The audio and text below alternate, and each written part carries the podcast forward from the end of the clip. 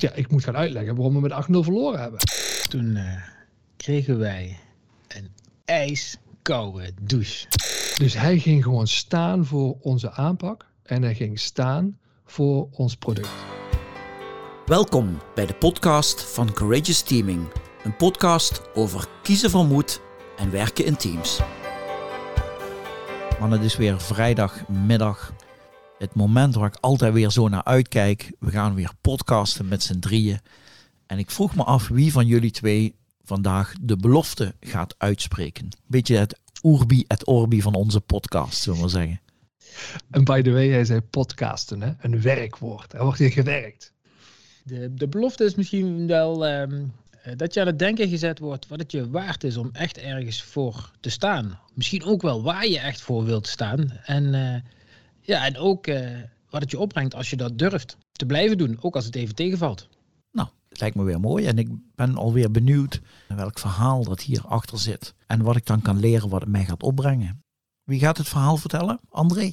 Zal ik eens beginnen, Ewout? Yes. Patrick, wij maken natuurlijk iedere week een podcast. En dat is een leerzaam moment. En ik vind dit misschien wel voor mij tot nu toe het meest leerzame moment van het jaar. En ik ga zo meteen een verhaal beginnen wat misschien een beetje zwaar begint, tranen trekkend. Maar er komt ergens, in ieder geval voor mij, een flip, een turnaround, waar ik echt van genoten heb en wat, ik, eh, wat me veel gebracht heeft. Dus dat is, waar durf ik voor te staan? Team, natuurlijk, Courageous Teaming. Wij zitten in een van de meest energieke projecten die wij doen in een team.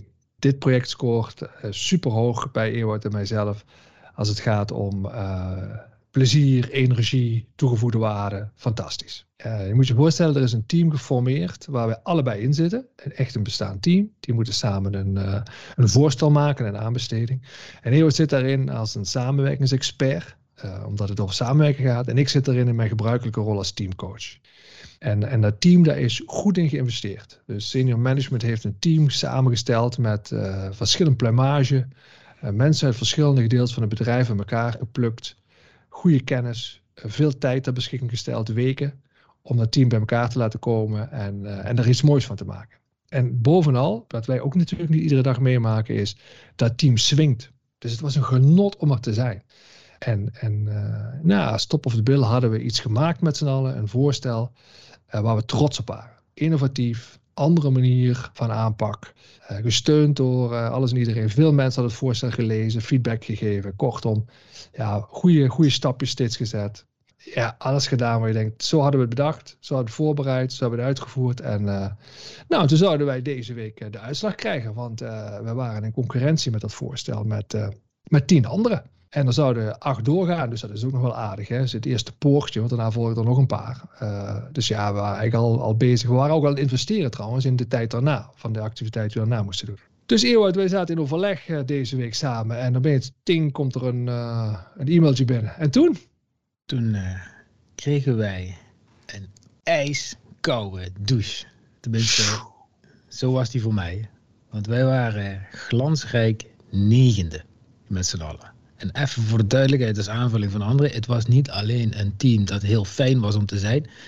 Maar af en toe ook echt scherp naar elkaar. Niet venijnig, maar wel scherp. Dus voor mij zaten er alle ingrediënten in. En hadden we ook echt voldaan aan de opdracht om eens echt iets op papier te zetten wat nieuw, innovatief was, een andere manier van samenwerken aanreikte. Wat, zoals wij het geïnterpreteerd hadden, helemaal bij de vraag paste. En we werden glansrijk negende. En we snapten er helemaal niks van. En Patrick, dit is niet een beetje verliezen, hè? Dit is, weet je, ik, ja, ik, ben, ik ben natuurlijk wat ouder hè, dan de meeste luisteraars. Maar uh, ooit heeft Johan Cruijff een soort jubileumwedstrijd van Ajax gekregen. Toen speelden ze tegen Bayern München. Nou, ik weet niet of je dat kunt herinneren. Is dat je, zat ik te kijken als kind. 0-8. Dus niet 0-1 of 0-2. Nee, die Duitsers hadden achteraf zoiets. Zij zaten er lekker in. 0 Dat gevoel. Ja, maar wacht even. We hebben alles goed gedaan. En dan zo afgedroogd worden. Dat, Vreselijk gevoel. En toen uh, kwam. En even voor de duidelijkheid, dat speelde natuurlijk niet alleen bij ons. Dat ja. was zo'n gevoel dat binnen dat hele team leefde. Van wat is ons gebeurd? Hoe kan dit? Echt even. Nou, daar moesten we even over slikken. Ja. Nou, even over slikken. Weet je, ik hoorde ook achter. Ewart en ik zijn meteen gestopt met de dingen waar wij mee bezig waren, want dat lukte niet meer. Maar ik hoorde ook van de andere teamleden. Die moet denken aan een team, misschien van een man of tien. Die zijn allemaal met of meer naar huis gegaan die uitslag kwam binnen per mail, eventjes half uurtje besproken, de mensen die elkaar toevallig zagen, tweetal, drietal. Maar toen van, ja, laten we naar huis gaan, want we moeten weg. En toen zei de projectleider, jongens, we komen morgen toch bij elkaar en we gaan bij elkaar de teleurstelling bespreken. En uh, dat, dat was een eerste hele fijne zet.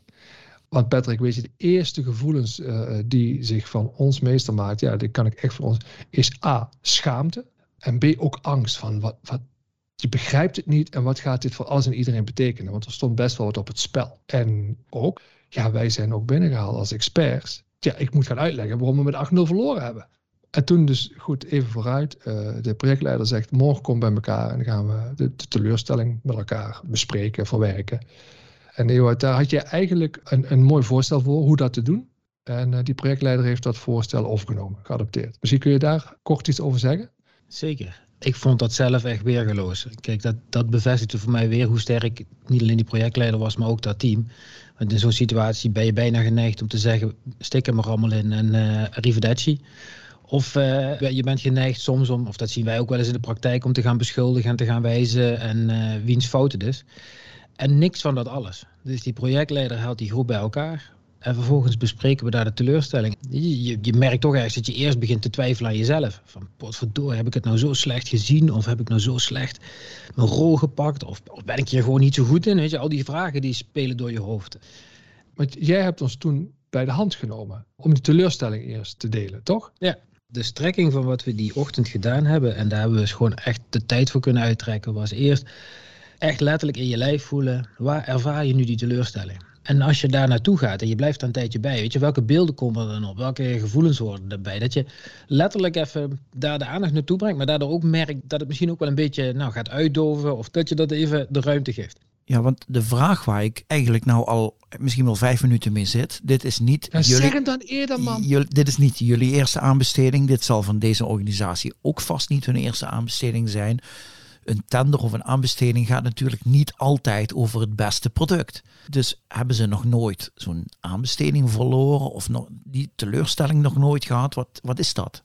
Patrick, wat jij nu zegt, is precies wat zich van ons meester maakt. Dus er zitten mensen in, wiens brood en boter het is, aanbestedingen maken. Dat is hun, hun werk. En die zeggen, je verliest in dit vak meer, bijna zoals in de sport, dan dat je wint. Dus dat zijn ze gewend. Maar die waren ook geslagen. Dit kunnen we gewoon niet duiden.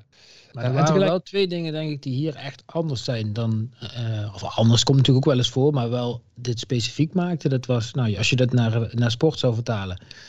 Het voelde wel een beetje als een, een finale. weet je, je hebt wedstrijden, ach ja, weet je, als je eens een keer wint of verliest, het kan gebeuren. En het mocht echt eens even anders dan wat we gewend waren. Dus daardoor werd, daarvoor werden er natuurlijk ook andere mensen van buiten, zoals wij, binnengehaald. Om er eens even echt anders naar te kijken dan we gewend zijn. En Patrick, dit misschien om het bruggetje te maken naar het begin van onze podcast, ergens voor durven te staan. Nadat we in die bijeenkomst die teleurstelling wat ruimte hebben gegeven. Dus echt rouwverwerking, dat was heel fijn. En toen kwam eerder met die vraag van, maar ja, wat kunnen we dan toch van leren? Hè? Hoe, hoe maakt het ons dan toch beter? Ja, of wat heeft hij uiteindelijk nog voor waarde ingezeten? Ik dacht bijna, als je je nou zelf tien jaar in de tijd vooruit projecteert hè, en je kijkt terug naar dit moment, wat heeft dit dan voor je betekend? En toen deed die projectleider iets enorm wat echt in mijn ogen echt weergeloos was. Want die man die zei, ik heb... Nee, wat maak je nu aanvullen? Wat, ik, ik, zal het nooit vergeten. Nee, je wil me niet aanvullen, je wil me onderbreken. Ja, mag vooruit. Hij zei, weet je, ik zat Formule 1 te kijken. En toen zei zijn vriendin tegen hem van, weet je, die Formule 1 wordt steeds meer een jurywedstrijd. En hij zei, ik zou nu precies dezelfde processtappen hebben doorlopen. En ik zou ook precies hetzelfde product hebben ingediend. En ik ben afhankelijk van een jury. En daar heb ik geen invloed op. Dus hij ging gewoon staan voor onze aanpak en hij ging staan voor ons product. Terwijl ik weet dat hij ook moet uitleggen naar zijn senior management, leg even uit. Je hebt behoorlijk wat inspanningen gedaan, kosten gemaakt, we hebben jou erop gezet. Leg eens uit waarom het op 0,8 op het scorebord staat. En dat deed hij door te zeggen, ik geloof nog steeds in wat we gedaan hebben. En dat ergens voor durven staan. En toen dacht weet je, er zijn ook momenten dat je moet realiseren, je hebt niet overal invloed op. Uh, er is een jury of een klant die een bepaalde manier kijkt. Maar dan moet je niet dat als de nieuwe waarheid gaan nemen. Dat is ook maar een jury die echt toevallig zit en die subjectief is. Dus ik vond het, dan geef ik hem terug, weergaloos hoe hij met nog steeds uh, zijn parachute open, hè, hij bleef open-minded, maar wel ergens voor durfde te staan. Ja, niet alleen voor het product staan, maar eigenlijk ging hij voor het hele team staan. En soms kun je trots zijn als je met 8-0 verloren hebt. En toen zei ik tegen Eeuwert, heb jij dat ooit in de sport zo meegemaakt? Kun je dat rijmen? Maar toen zei hij tegen mij, en dat vond ik ook vond ik toch wel een mooie vergelijking met de sport. In de voorbereiding denk je na over hoe je gaat spelen. Uh, schat je ook in wat de tegenstander gaat doen. Als je alles gedaan hebt om dan toch zo te spelen zoals je bedacht hebt, en het resultaat is nog steeds poep, ja, dan is dat wat het is. Ja, nou, dat is soms een vraag die, die stelde ik mezelf toen ik naar huis reed. Potverdorie, wat is het me waard? Durf ik te blijven staan voor iets waar ik echt in geloof, ondanks dat een ander me misschien nou, een dikke onvoldoende geeft en onderaan de lijst zet. Daar heb ik een paar mensen in dit project ontzettend voor bewonderd dat ze dat durfden. En ook dat hun senior management dat durfde en hun daarin durfde te steunen. Daar is ook heel veel moed voor nodig. Ja. De luisteraar, de manager of de consultant of wat voor functie de luisteraar ook heeft in zijn werk, welke context kan de luisteraar dit nou gaan toepassen? Patrick, ik denk dat wij als consultants en de leidinggevers waar wij veel mee samenwerken, iedere dag momenten van weerstand ontmoeten. Dat mensen ze heel kritisch bevragen en ze zeggen het nog netjes, hè, of, of ze aan de kleren gaan. En dan heb je iedere keer weer de keuze te maken. Beweeg ik mee? Geef ik toe? Zit daar wat in? Of zeg je, wacht eens even, dit is waar ik nu voor sta. Dit hebben we zo doorgesproken. Dit hebben we zo bedacht. Ik blijf hiervoor staan. Dit is hem die call maken. Ja. Voor jezelf. Ja, dus dan ben je misschien wel terug bij de vraag: durf je trouw te blijven aan je eigen waarden of principes, die dingen die jij echt heel belangrijk vindt? Dit zijn die momenten. En misschien ook, weet je, stel jezelf eens die vraag op het eind van de dag of het eind van de week: waar ben ik deze week dan voor gaan staan?